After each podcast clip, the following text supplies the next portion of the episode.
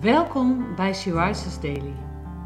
Deze maand is het maandthema Vaders Liefdesbrief. En vandaag luisteren we naar een overdenking van Teerza Bendes. We lezen uit de Bijbel Colossensen 1, vers 20. En door hem en voor hem alles met zich willen verzoenen, alles op aarde en alles in de hemel, door vrede te brengen met zijn bloed aan het kruis. Door onze zonden zijn wij van God verwijderd.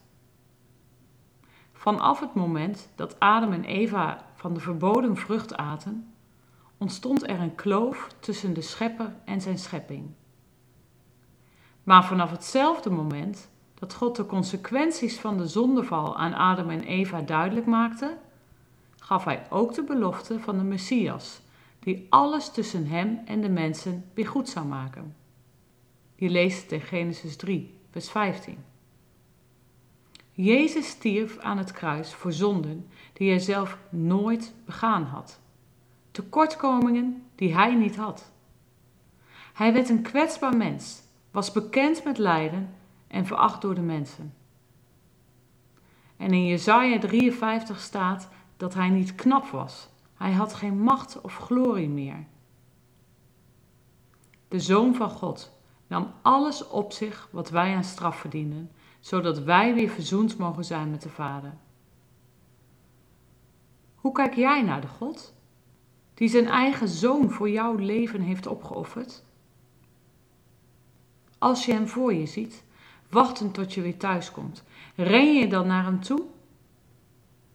Laat je je omarmen door de Vader die alles voor jou over heeft gehad?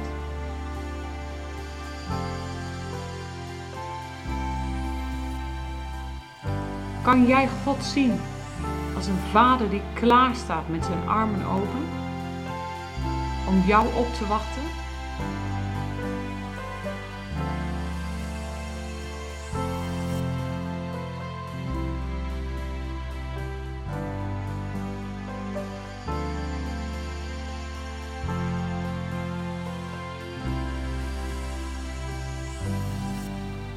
Laten we samen bidden. Heer Jezus, dank u wel voor uw offer. Dank u wel dat u alles op wilde offeren om mijn ziel te redden, ook al verdiende ik dat niet. Help me om iedere dag uit die wetenschap te leven en zo u te eren met wie ik ben en wat ik doe. Amen. Je luisterde naar een podcast van Sea Rises.